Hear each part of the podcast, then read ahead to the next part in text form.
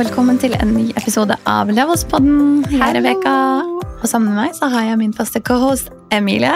Hei. Ok, Emilie. Ja? Ok, Før vi starter denne episoden, så er det bare noen ting vi må altså, feire litt. Ja. Du har vært i Tokyo, Kyoto, eller du har vært i Japan. ja. Og hva skjedde?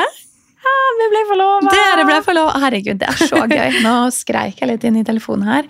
Ja, men Det var så gøy. Altså, Gratulerer så mye. Tusen takk. Det var veldig veldig kjekt. Det var en veldig flott by og en fantastisk reise. Og det var liksom eh, en utrolig fin dag. Det er jo en av de tingene ja, som er størst i livet, og det skjedde på Valentine's Day. Det gjorde det. Og vi snakka også om på Valentine's Day, eller vi hadde en episode som gikk på det med liksom, parforhold og økonomi og hele pakka. Nå har dere jo virkelig liksom Ja, he put a ring on it.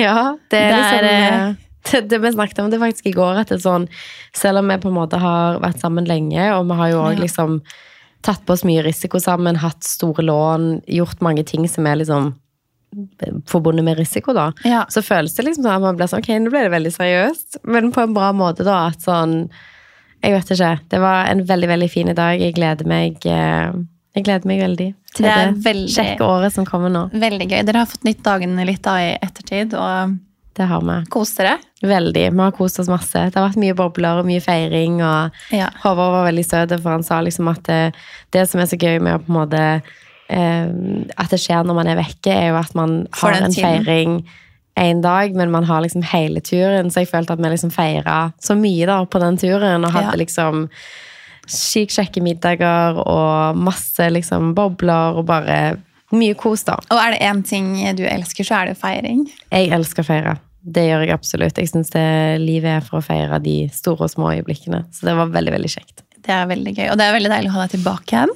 Ja, det er veldig herlig å være tilbake igjen i studio. Jeg føler Du har vært vekke lenge, jeg har vært vekke en, en liten stund òg. Og det at vi på en måte liksom nå er tilbake og skal være i Oslo en periode og kan sette oss ned og jobbe og liksom ja, komme oss tilbake. Vi har mye å jobbe med. Det har jo vært, eh, det har vært mye som har skjedd. Um, og liksom, jeg tror den siste tida har jo vist oss òg hvor på en måte volatilt alt er. Ja. Eh, Man tar mye risiko, man gjør mye investeringer i selskapet sitt. Og det gjør man jo med tanken om at liksom aktivitet og bookinger og leveranser og alle sånne ting skal være det samme volumet som det har vært.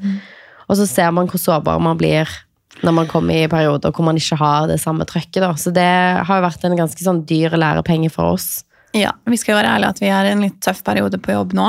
Mm. Så det skal vi jo dele om i noen episoder som kommer litt lenger frem. Men det er ikke det vi skal snakke om i dag. Det er det ikke.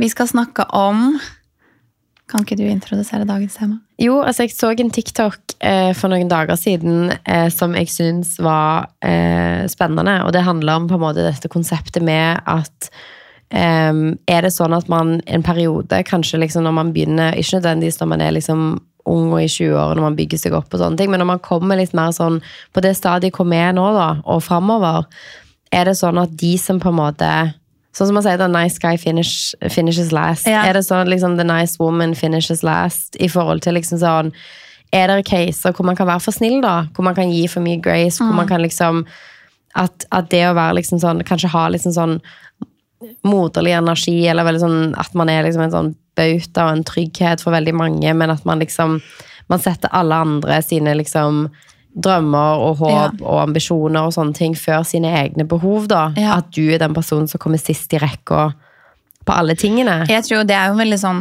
eh, kvinnelig ting å gjøre. Eller sånn, fordi man har et sånt liksom moderlig instinkt. At man eh, tenker på andre først.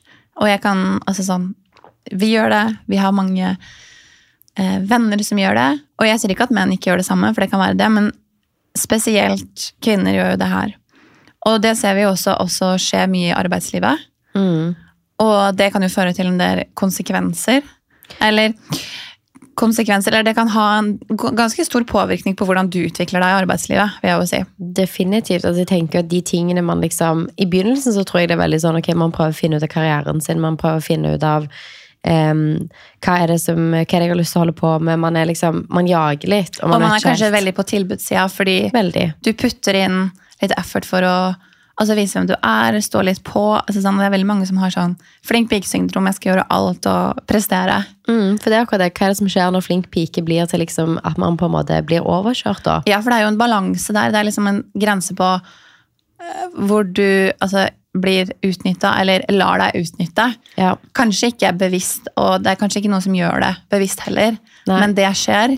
Og så sitter man der med slips i postkassa og blir sliten, overarbeida og kanskje ikke får noe særlig jevnt for det.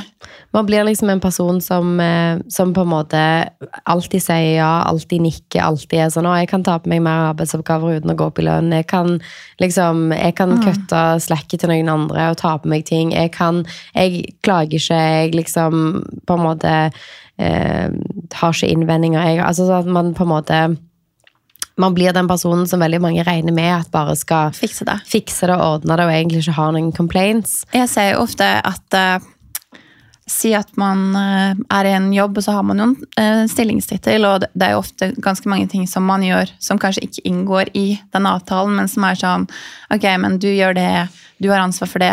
I en bedrift så jobber man sammen som en team som man gir og tar litt. Men hvis det blir for mange av disse tingene, si at eh, en person slutter, og så ansetter ikke selskapet ny, men så tar man på seg en del av den, den eh, jobbloaden som denne personen har. Ja. Eh, men du jobber egentlig 100% allerede. Ja. Men så blir du ikke kompensert på det. Jeg tror det er veldig mange som er sånn ja, men det må vi bare gjøre, den må vi ta. Og i noen tilfeller så kanskje ok, greit, eh, man må ta en liten del av det, men hvis man gjør det over lang tid, flere ganger, Ja. og ikke tar seg betalt for det, eller setter ned foten med at det ikke er greit, eller sier nei, Ja. eh, så får det konsekvenser.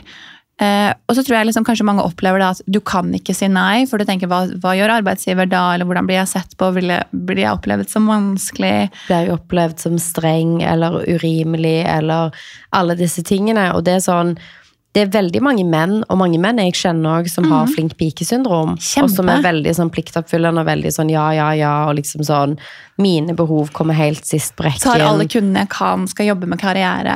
Ikke sant? Og eh, hvis man på en måte har samme utvikling som det vi diskuterer nå, så kan jo dette skje. Det, det er jo ikke utelukkende en kvinneting. Absolutt ikke. Men det at man på en måte Utviklingen fra å ha de tingene sånn Ok, man har flink, flink gutt, flink pike-syndrom, Ja. til å bli liksom en sånn person som er veldig complacent i sitt eget liv, og som tar på seg veldig mye uten å egentlig få igjen for det, og så kanskje på hjemmebane gjør de samme tingene, på en måte overkompenserer og er til stede for folk i livet sitt, uten at man noen gang vurderer liksom, ok, er jeg sliten, trenger jeg påfyll, trenger jeg liksom, hva er det jeg trenger på en måte, at man oppi alt det, og kanskje over flere år da, aldri liksom er sånn, setter seg ned og er sånn, vil jeg disse tingene? Vil jeg egentlig jobbe med det jeg holder på med nå? Er jeg liksom inspirert, motivert? Er jeg liksom på et sted i livet som jeg ønsker meg da? Eller er jeg egentlig liksom sånn, ok, hjemme så er jeg den personen som fikser, ordner, rydder, planlegger og tenker og, og bruke tiden min på å planlegge, ok, om to uker så er det den bursdagen, Ja, om, ja. om fem måneder skal vi på den turen, jeg må booke det, vi må ha den forsikringen, vi må, altså, i tillegg til alt annet som er hverdagslige ting, og så er man på jobb den personen som plukker opp, og som føler på ansvaret etter at andre gjerne er sånn, ja, ok, men jeg vet at den personen rydder opp, så jeg trenger ikke liksom, jeg vet at alle har ting i sin jobb som er gjerne sånn, ok, ja, om det er å booke et møte, eller om det er å booke lunsjen til en Eller man tar liksom kommer, ansvar for eh, tar noe for fellesen. tar et ansvar for fellesen. Liksom, der man blir støkk med mange av de jobbene som Jeg så det mye når jeg jobba i, i en annen jobb. Og liksom sånn, jeg så det på tvers av andre bransjer òg, men jeg så at veldig mange av de kanskje ufortjente oppgavene, da, som om det er å planlegge julebordet, eller om det er å planlegge liksom en afterwork, eller om det er å ta et sosialt eh, initiativ for grupper. Når du Ja. begynner i 20-årene og Ja. begynner å jobbe, så er det veldig gøy å ta på seg de arbeidsoppgavene. For det er sånn 'Å, herregud, ja, vi skal ut, vi skal ta en øl med gjengen', sånn og sånn. Og det er jo, jeg skal jo si at liksom, når man kommer inn i en bedrift, så er det jo ehm, kanskje gøy å komme inn med team, være med på disse tingene. Man har kanskje kapasiteten til det. Også fordi det er en ting som kanskje går på dugnad litt. Eh, men når det, det samme skjer for liksom, samme person gjentatte ganger, Ja, og over tid så utvikler det seg jo til at det ikke bare var liksom på en måte, altså Jeg antar jo at hvis du kommer inn som jurist et sted, så er ikke jobben din å planlegge et julebord. Eller hvis du kommer inn som liksom økonom et sted, så er ikke på en måte din arbeidsoppgave sosiale vinlotteri eller hva enn det. Og det tror jeg er gøy når du begynner å jobbe. Ja. Og så blir det bare det at man etter hvert, når du ser det fra et fugleperspektiv, så ser du at alle oppgavene i denne arbeidsplassen som ikke handler om å faktisk Altså faktisk jobbe på et prosjekt, faktisk liksom øke sjansene dine til at du kommer deg videre i karrieren din. lønnsforhøyelse. Alle de tingene der. Det, jo, det går jo på bekostning av det, for det er sånn, ok, Det gjør jo det etter hvert. ok, du Emilie, du arrangerte tidenes julebord for, for bedriften din. Så blir man stuck med den jobben. Men det gir jo ikke kanskje grunnlag for at du skal uh, få høyere lønn. Nei. Mens jeg så for eksempel, da, hadde muligheten hos du eh, arrangerte jule, juleborg, så hadde jeg mulighet til å ta på meg tre ekstra kunder, selge for tre millioner. Og jeg har konkrete bevis på at ok, shit, Rebekka, hun eh, genererte tre millioner ekstra til bedriften i år, i tillegg til de prosjektene hun allerede har. Hun får 30 000 i lønnsøkning i år. Og der stiller, vi for, der stiller vi ulikt. og det er på en måte du kan tenke ok, greit, Emilie tok, tok noe for det sosiale, kom inn, viste hva hun var god for, men jeg tror ehm, hvis det går på bekostning av andre ting hun kunne gjort over lang tid, så er jo det tullete. Jeg hadde en kunde på consulting hvor, hvor vi snakka om akkurat det her, hvor veldig liksom klassisk eksempel på at eh, en ehm, en jente da eh, jobba i et, hadde en bra stilling i et bra selskap, masse ressurser, og fått Nå skal jeg bruke eventer som eksempel, og det er litt ironisk fordi vi jobber med det og vi genererer business av det, men det er veldig sånn klassisk. Eh, fått i oppgave å arrangere eh, de, alle eventene som bedriften hadde. Det var egentlig ikke en del av jobben. Og det var snakk om liksom, ja, seks eventer, ganske store business-eventer, planlegging, koordinering av mennesker. Og det er jo en fulltidsjobb. Vi, har Ja, ja. egne, vi jobber jo med eventbyråer hvor det er jobben til prosjektledere. De har Ja. kanskje seks eventer i løpet av året, og det skal denne personen da løse alene, i tillegg til sin jobb med kunder, oppfølging og alt annet. Eh, og mm, hun måtte delte litt sånn frustrasjon rundt at ok, jeg, nå er det bare en forventning til at det bare gjør jeg. Det ordner bare du. Ja. Og jeg får ikke noe ekstra for det. Nå har jeg gjort det på tre året, så hun må sette seg ned med sjefen sin og si sånn. Det går ikke lenger. Nei. Og det er liksom en ting at en ting er sånn, ok, kanskje første året så er det sånn, Emilie, jævlig kult julebord, det var skikkelig, skikkelig gøy.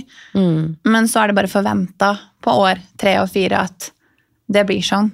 Og en ting er hvis dette er noe du faktisk har lyst til å gjøre. Jeg fant Ja. meg sjøl i situasjoner hvor jeg var veldig liksom, påpasselig på å si nei til ting som var utenfor jobben min, som ikke var ting som kunne lede til en forfremmelse eller til en lønnsforhøyelse.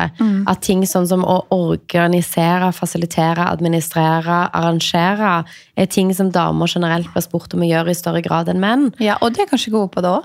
Jo, men, men det er ikke det du er der for. Jeg har ikke tatt en, eh, en bachelor i økonomi for å booke møterom eller eh, ting til et kundeevent som ikke er en del av jobben min. Nei. Hadde jeg hatt det som stillingstittelen min, så hadde det jo vært det jeg var der for, men det er ikke derfor jeg er her. Og det tar ut tid i min hverdag hvor jeg kunne jobbet på ting som er på en måte inntektsgivende Ja. og på en måte kundebasert. Ja. Sånn at liksom, det er disse tingene over tid som gjør at ikke bare er det ting Altså, du tar ut tid fra jobben din em, til å fokusere på ting som ikke er inntektsgivende, men det er òg eh, det man tenker at personen har gjort. Så hvis jeg er lederen i en avdeling og ser at ok, alle gangene jeg ser Rebekka, så er hun liksom står med en kake i hånda eller på vei til. Vinmonopolet for å kjøpe til Vinlotteriet, eller er på vei med julenissehatt fordi hun arrangerer julefesten. Eh, Mens hver gang jeg ser eh, Marius, så er han liksom i et kundemøte, holder en presentasjon. Det handler jo òg om omdømme. Altså, I en bedrift så handler det jo veldig mye om inntrykket du gir til folk, og assosiasjonene du gir til folk. Sånn at det at du da har blitt assosiert med der er Rebekka, hun superhyggelige som alltid ordner verdens beste fest. Dette her er, altså Vi jobber jo faktisk med fest, Ja. så vi, vi skal ikke si at dette her er jo i relasjoner hvor dette ikke er jobben din.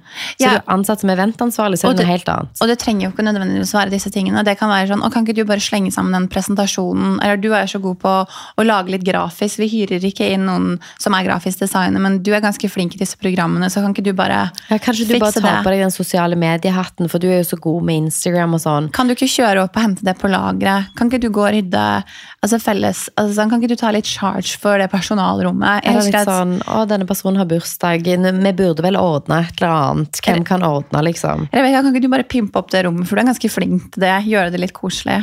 Ja, det, det er mange sånne eksempler, eh, og jeg tror liksom at det, Um, i begynnelsen av karrieren, når man er ung, så er det gøy å gjøre disse tingene. Og jeg tror at liksom de tingene der, kobla med eh, flink pike, det gjør jo at liksom sånn, de aller fleste som har dette altså flink pike-syndrom, de gjør jo alle disse tingene, og så gjør de i tillegg jobben sin. Ja. Og så går det på bekostning etter hvert, når folk begynner, når man ser at «Å, ok, den personen som jeg blir ansatt sammen med, han er jo leder nå, og har fire ansatte, mens jeg sitter her og bruker halve året på å planlegge sosialarrangement og fremdeles prøve å opprettholde kundeporteføljen min. Ja, det er jo liksom noe. Og jeg tenker, um, Du kommer jo litt fram med corporate bakgrunn. Eh, og jeg tenker at, Tror du det er en sånn uh, generell sånn mentalitet med at f.eks. de nye som kommer, da, må jobbe en del gratis for å bevise hva de er gode for? Uh, og tror du at de får igjen for det? Eh, ja og nei. Altså, ja, de må eh, jobbe gratis og gjøre ting i starten. Altså, alle For det er jo en del av å liksom Ok, du vil klatre kanskje, da? Og får du noe igjen for det etterpå? Nei, du får ingenting igjen for det. Og en av de tingene som jeg eh, spurte om første gang når, jeg, når dette skjedde, så var jeg sånn, ok, nå bare tar jeg random navn.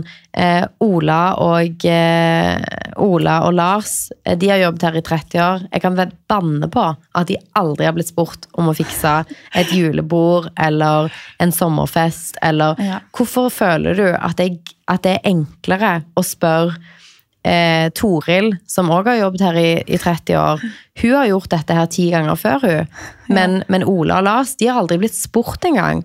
Og verre, de har aldri blitt vurdert til å ta ansvar engang. Det er liksom sånn eh, valgfri incompetence. Men tror du da som, man, som arbeidsgiver som velger å spørre Toril at man egentlig ikke ser det helt, at man ok, men det er jo, det er jo convenient fordi Toril har gjort det god på det, krever ikke noe ekstra ting, men så hadde du spurt ehm, Harald og Are så ja, men Da hadde hadde det kanskje blitt noe annet. Men det er det jeg tror man er nødt til å liksom Man må anerkjenne at det er greit. Ja. Det er litt sånn at det, liksom, Hvis du hjemme har et sånn kontrollbehov om at sånn Ok, jeg spør ikke Håvard om å re opp senga, for da vet jeg at han ser litt annerledes ut enn hvis jeg gjør det. Nå er ikke dette altså, Det skjer ikke hos oss, men Jo, men godt liksom. men liksom, da må man òg være innforstått med at den sommerfesten, hvis eh, Ola og Lars planlegger den, blir kanskje litt annerledes. Mm. Men det er nå òg greit. Ja. At sånn, Jeg tror ikke folk gjør det med vilje, men jeg tror ikke. at over tid så blir det enklere å spørre de som alltid sier ja.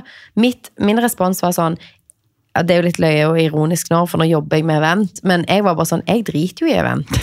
Jeg drømmer ikke om å lage liksom, en, en dekorasjon eller liksom har lyst til å deale med logistikken rundt invitasjoner eller liksom jeg bryr meg jo ikke om disse tingene. På lik linje så satt der gjerne han Lars, da, som hadde jobbet der i 30 år, og som hadde en veldig sånn tradisjonell maskulin jobb og hadde vært aksjemegler, alle disse tingene, som aldri hadde blitt spurt om dette, som egentlig elska det, men som aldri hadde fått spørsmålet. Ja. Så liksom, det som jeg ser liksom sånn nå i fugleperspektiv, er jo at de tingene som du gjerne tenker er gøy der og da, blir de tingene som feller deg litt Ja. senere. Fordi at når du har brukt, og alle vet jo som har vært med og arrangert et eller annet, om det er en sommerfest eller et julebord, hvor mange timer som går med på det. I en periode hvor gjerne veldig mange andre ringer kundeporteføljen sin, booker opp møter for det året som kommer. Ja. Liksom gjør veldig mye som ikke nødvendigvis den ene aktiviteten, men som kumulativt gir deg veldig mye over et helt år, da, og spesielt en karriere. Og det er en felle som veldig mange damer kom i, og òg selvfølgelig mange menn. Mm, men det er liksom kanskje mer typisk. Jeg tror liksom Som en ansatt i et selskap så tror jeg det er viktig å liksom eh, Det er jo noen som er veldig sånn De er på en jobb, har det bra. Kanskje det å planlegge, nå bruker vi det som et gjennomgående eksempel her, gi litt ekstra til deres hverdag. De kan altså sånn, De syns det er gøy og er komfortable med det. Så jeg tenker at greit. Men hvis du syns det blir mye, eller føler at det er en forventning for at du, skal det, Og så tenker jeg sett deg litt, lag en liten plan på hva som er dine mål i selskapet. Skal du være her? Skal du vokse? Vil du ha mer lønn? Trenger du mer lønn for å ta opp lån? Eh, for å reise på ferie med familien? Altså sånn, det er jo veldig mange faktorer her som gjør at eh, um, altså sånn, at du burde gå opp den løypa. Ja, og ta det opp òg, fordi liksom sånn, prøv å lage en liste over ting som er sånn Nå har vi snakket mye om det å arrangere ting, for jeg tror det er noe som veldig mange Det er sånn klassisk eksempel. Klassisk eksempel. Men andre ting kan være sånn Og dere har ikke en lunsjordning, så du er in charge av å bestille fra bestille matvarer som blir levert til kontoret, eller gå ut og handle lunsjen, eller sette på plass det, eller ordne det. Du er den som alltid ordner bursdagskort og en flaske vin til de som har bursdag, eller bestiller kake, eller bestiller lunsj inn til et møte. At sånn, Prøv å lage deg en oversikt over de tingene, for noen av tingene kan være ting som du syns er veldig hyggelig. Kanskje du elsker dette med å planlegge den årlige sommerfesten. Og jeg skal så skyte inn en ting her, at eh, for eksempel i startup, hvor det mangler systemer på ting, og ting er litt sånn i oppbyggingsfasen, så, så må man kanskje Da gjør jo alle alt. Da gjør alle alt. Så jeg tenker at jeg sier ikke at det er unntaket, man, men da kan man være med på å tilrettelegge og lage løsninger for at det ikke blir noe sånn ting man henger seg opp i. Hvis du syns det er kjedelig å arrangere eller bestille lunsj, gå til sjefen din og si sånn Jeg foreslår at vi gjør det her for å optimalisere. Fordi det her skjer jo mye i store selskaper, men det skjer jo også i små selskaper. Og så må man jo tenke litt på situasjonen til um, til selskapet. Man putter kanskje gründerhatten litt på, men jeg tror det er liksom viktig å viktig å på en måte differensiere litt her. Mm. Og så tenker jeg at istedenfor å bare si sånn nei, det, det vil jeg ikke eller kan jeg ikke, komme med et, for et, en altern, et alternativt forslag. Men det som er viktig, og det er et godt poeng, det du sier med at ting er annerledes i en mindre bedrift, da er det veldig mange sånn, da har mange veldig mange hatter. En viktig ting der er jo òg at begynner du i en startup, så er det jo òg veldig sannsynlig at du uten noe som helst arbeidserfaring kan komme inn og ha Meninger. Eh, meninger, men òg at du kanskje kommer inn som prosjektleder. Mens begynner du i Deloitte, så begynner du sure shit ikke som prosjektleder. Nei. Da jobber du gjerne fem år beinhardt for å få den tittelen. Ja. Sånn at du, du kommer jo òg inn med mye mer altså sånn, Du kan ha jobb to år, og så blir du ansatt i en startup og kan være head of marketing. Det ville du ikke sånn, det gjorde jo jeg når jeg starta med å jobbe. Jeg fikk jo en veldig liksom, i hermetegn høy tittel tidlig, Ja. fordi at jeg begynte i et veldig lite selskap. Ja. Det betydde jo at eh, ja, ok, jeg var head of marketing, men jeg var jo òg copyright-ansvarlig, koordinere med alle koderne, jeg lagde sosiale medieting. Jeg gjorde jo veldig mye. Ja. Sånn at det er jo òg en gode av å være i en mindre bedrift. At okay, Ja. ja, Det kan være at du må springe og gjøre det, det kan være at du må planlegge noen eventer, det kan være at du Men du får jo òg veldig mye tilbake igjen med tanke på at du liksom kan, kan ha tittelen seniorprosjektleder selv om du har jobbet i to år. Det er jo noe som folk i f.eks. IT-bransjen kanskje bruker 15 år på å si at altså, bygge seg opp det, da. Du kan være partner, du kan være markedsføringsansvarlig, du kan være SoMe-ansvarlig. Ting som egentlig i andre kontekster kanskje krever at du har jobbet mye lenger, da. Ja, Så det er jo en benefit til å være i et mindre selskap. Ja, og jeg tenker jo, du må jo se litt på kanskje eh, situasjonen, eller sånn, situasjonen du er i, da. Ja. Og så er det noen greit å liksom sammenligne seg litt. Jeg tror um, en, god, en god ting er jo på en måte kanskje se litt hva de gjør i lignende bedrifter eller i lignende eh, selskaper. Så, så får man litt mer å snakke litt med folk. Liksom. Det, er, det er kanskje en annen ting. at jeg tror Spesielt kanskje med mange med flink pike eller flink gutt-syndrom holder mye for seg sjøl. Og så går man og så bygger man opp en sånn derre å, jeg kan ikke si det fordi jeg vil ikke klage, eller det blir for mye. Jeg bare sakker opp, på en måte, for du skal prestere, prestere, prestere. Og så tar man med disse hjem, så blir man ekstremt sliten. Og så kanskje det går utover de man bor med, eller seg selv, at man blir rett og slett utbrent. Så jeg tror liksom det der å, å og så på en måte ta det for det det er, og ikke bare sakker opp, det tror jeg også man, man må bli litt bedre på. Vi nordmenn er ikke, er ikke så veldig gode på det. Ehm, for det er litt sånn eh, jeg, tror, jeg tror egentlig ingen har problemer med å prate om det nå, først begynner den praten, men kanskje vanskelig å ta opp, da. Ja. Men også, dette er jo òg en oppfordring til eh, å si mer nei. Ja. Altså sånn, Hvis noen spør deg om å gjøre noe som er utenfor ditt Og nå, nå tenker jeg liksom ikke at du er i en bedrift med tre personer hvor alle gjør alt. Hvor Ja. liksom gründeren av selskapet står og plukker søppel litt inni jobb. Altså sånn, Der alle gjør alt. Men, men det å være i en plass hvor liksom, Si at du jobber i mm, et stort konsulentbyrå, da. Eh, Og du er ansatt for å være på en måte prosjektleder. Men Emilie, kan ikke du bare sende ut nyhetsbrevet vårt hver fredag? Jo, eller kan du liksom bare arrangere sommerfesten hvert år? Bare si nei. Bare være sånn, du liksom sånn eh, Jeg er happy til å ta på meg andre ting. liksom sånn, Vil jeg da ha lavere forventninger til på en måte kundeporteføljen min fordi at jeg kommer til å bruke 50 timer på dette? liksom? Eller må jeg fremdeles fakturere like mye til kunder? Altså sånn, Du kan stille spørsmål, og du kan si nei. Og to, for de folkene som hører på dette, som er avdelingsledere, som har ansatte, som er ledere, som eier selskap, tenk veldig nøye igjen på hvem og hvorfor dere ber folk om å gjøre noe. Fordi hvis du spør Rebekka om å ta ansvar for um, sommerfesten fordi at du vet at hun ikke tør å si nei, så er det dårlig ledelse, mener jeg. Og det samme gjelder for venner. At sånn, eh, hvis du har en venn som er frisør, ikke spør hva kan du gjøre denne jobben gratis fordi at du tror at den personen kommer til å si ja. Ja. Det er jo virket til den personen, det er yrket til den personen, det er det de tjener penger på. Ja. Om det er en person som på en måte eh, Sånn som du, da. Du driver med events. Ikke spør deg om at du kan gjøre masse gratis eventgreier for alle du kjenner. Én ting er liksom sånn bestevenninna di, eller liksom Men det å liksom være sånn en, en person fra videregående som ringer deg og er sånn Du skulle gjerne hatt noe. Kunne du bare ha liksom Kunne jeg lånt de palmene? Ikke gjør det, liksom. Nei, ikke gjør det. Ikke, og spesielt ikke hvis du tror at den personen ikke tør å si nei, eller kommer til å si nei for at de er så hyggelige. Og så tror jeg jeg har et godt eksempel på en uh, venninne av oss som um, har gått noen runder med seg selv for å liksom prøve å finne litt sin plass. Og liksom, ok, hva skal jeg drive med? Endelig funnet en jobb som er en startup uh, og har mange muligheter til å utvikle seg. Og blir satt litt i en oppgave som hun bare det her, her er det ikke for meg. Hun har veldig sånn tydelig, tydelig um, klarhet i hva hun er god på, og hva hun vil, og hva hun absolutt ikke er god på.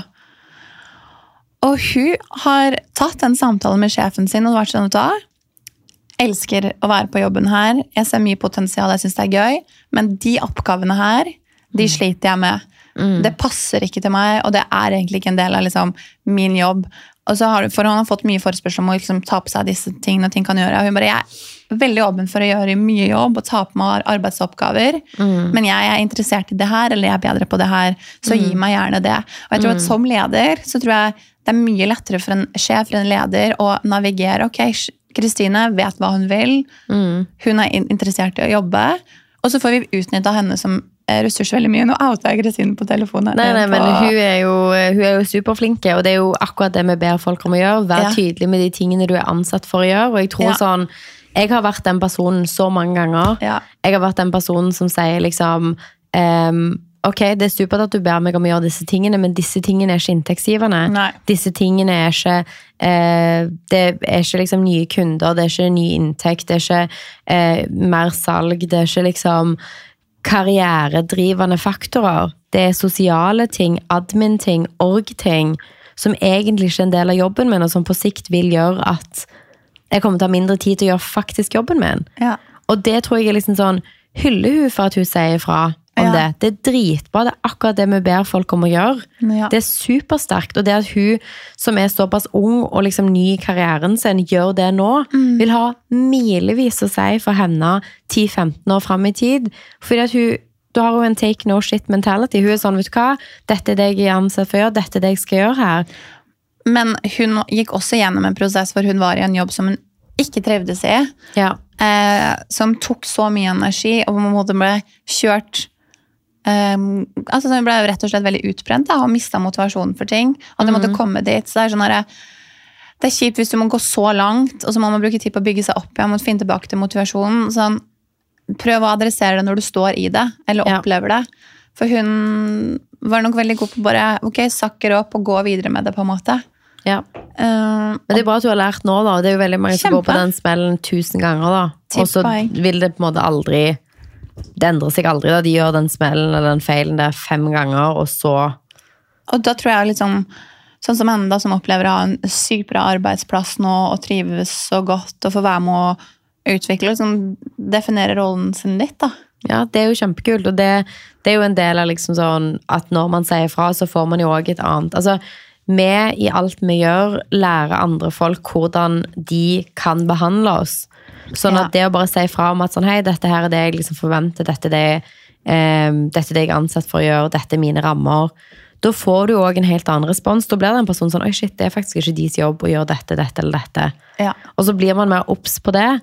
så kan det godt være at i en liten bedrift så er man nødt til å gjøre noe av det. Absolutt. En annen ting som jeg vil linke på her, er jo egentlig det samarbeidet mellom bedrifter seg imellom. Hvor en person eller en bedrift leverer en tjeneste til en annen bedrift. Kanskje om et felles prosjekt. Hvor vi ser at veldig mange små bedrifter spesielt, kanskje startups, eh, som må gi og gi og gi og gi. Og eh, ansatte, eller sånn bedriften som helhet, syns det er vanskelig å sette grenser. Fordi du jobber med en stor, kanskje anerkjent kunde Ja, med mye ja. midler, og man er heldig som har fått en jobb. Ja. Eh, det å kunne sette grenser der er jo egentlig veldig det samme. Så jeg tror Det har jo vi gått veldig, veldig mange runder på.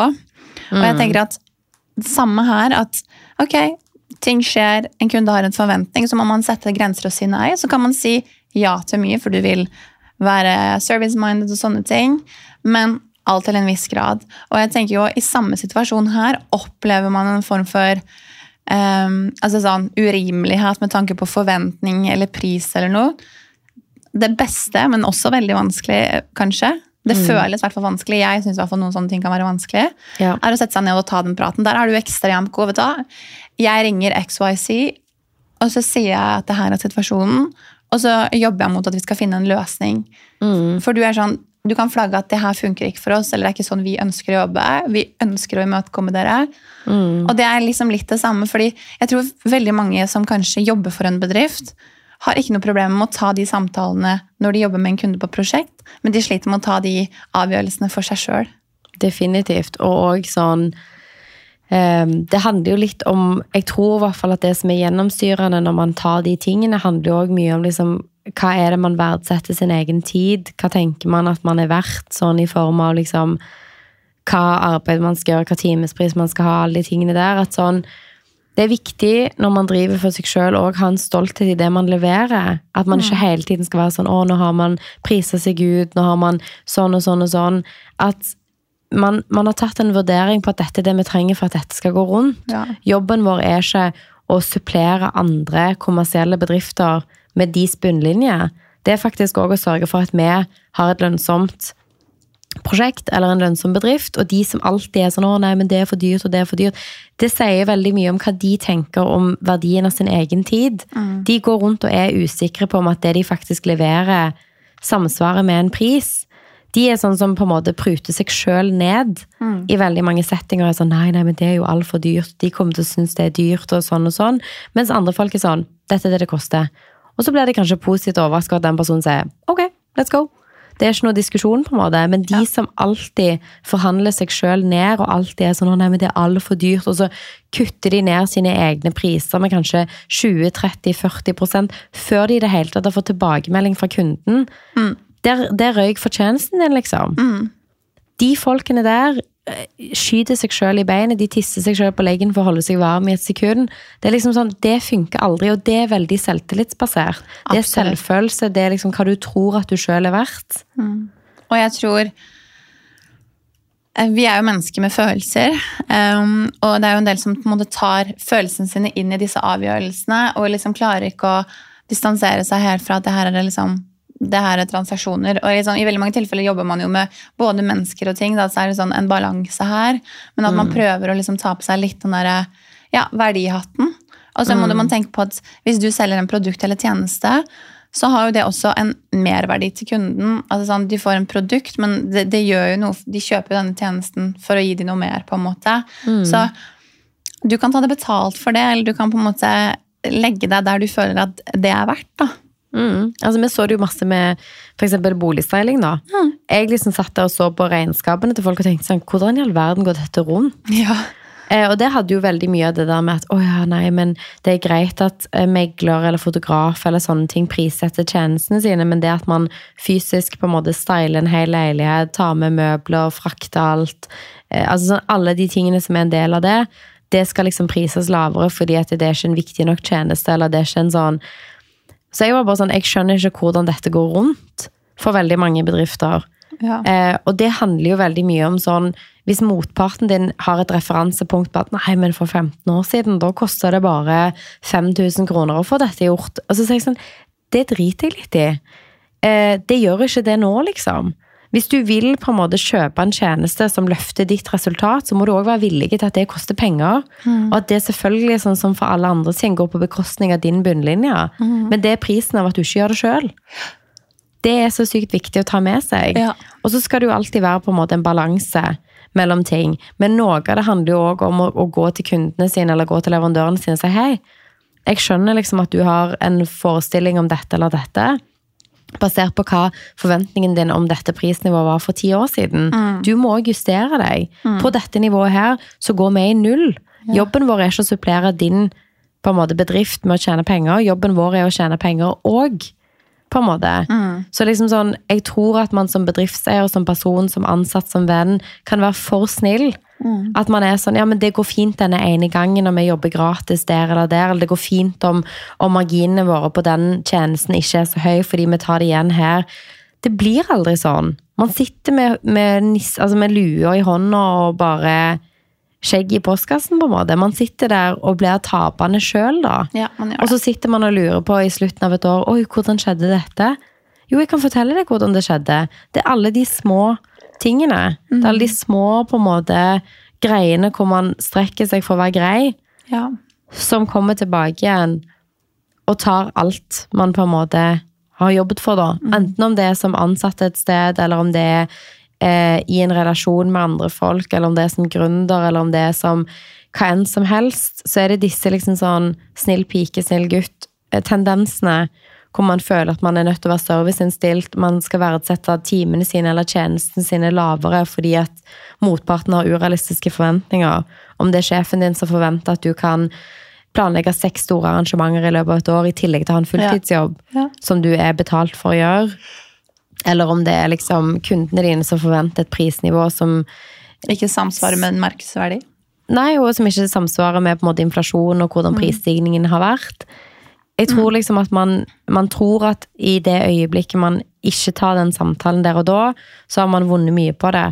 Men i lengden så taper man ekstremt på å ikke liksom sette seg selv i posisjon hvor liksom ikke, ikke la deg på en måte eh, Ikke la deg bli behandla på den måten, og ikke liksom sette standarder tidlig som gjør at du liksom vil være fanga i et nett med enten priser eller tjenester eller ting man skal gjøre som man ikke får betalt for å gjøre, da. Absolutt ikke. Um, herregud, jeg føler vi har gått gjennom masse.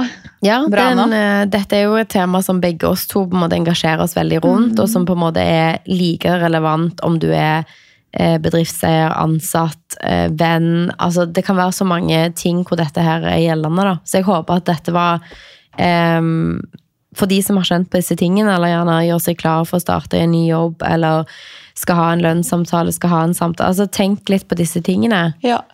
Og så skal vi komme tilbake igjen i neste uke og snakke om et nytt spennende tema. Det skal vi. Så snakkes vi da. Så snakkes vi. Ha det. Ha det.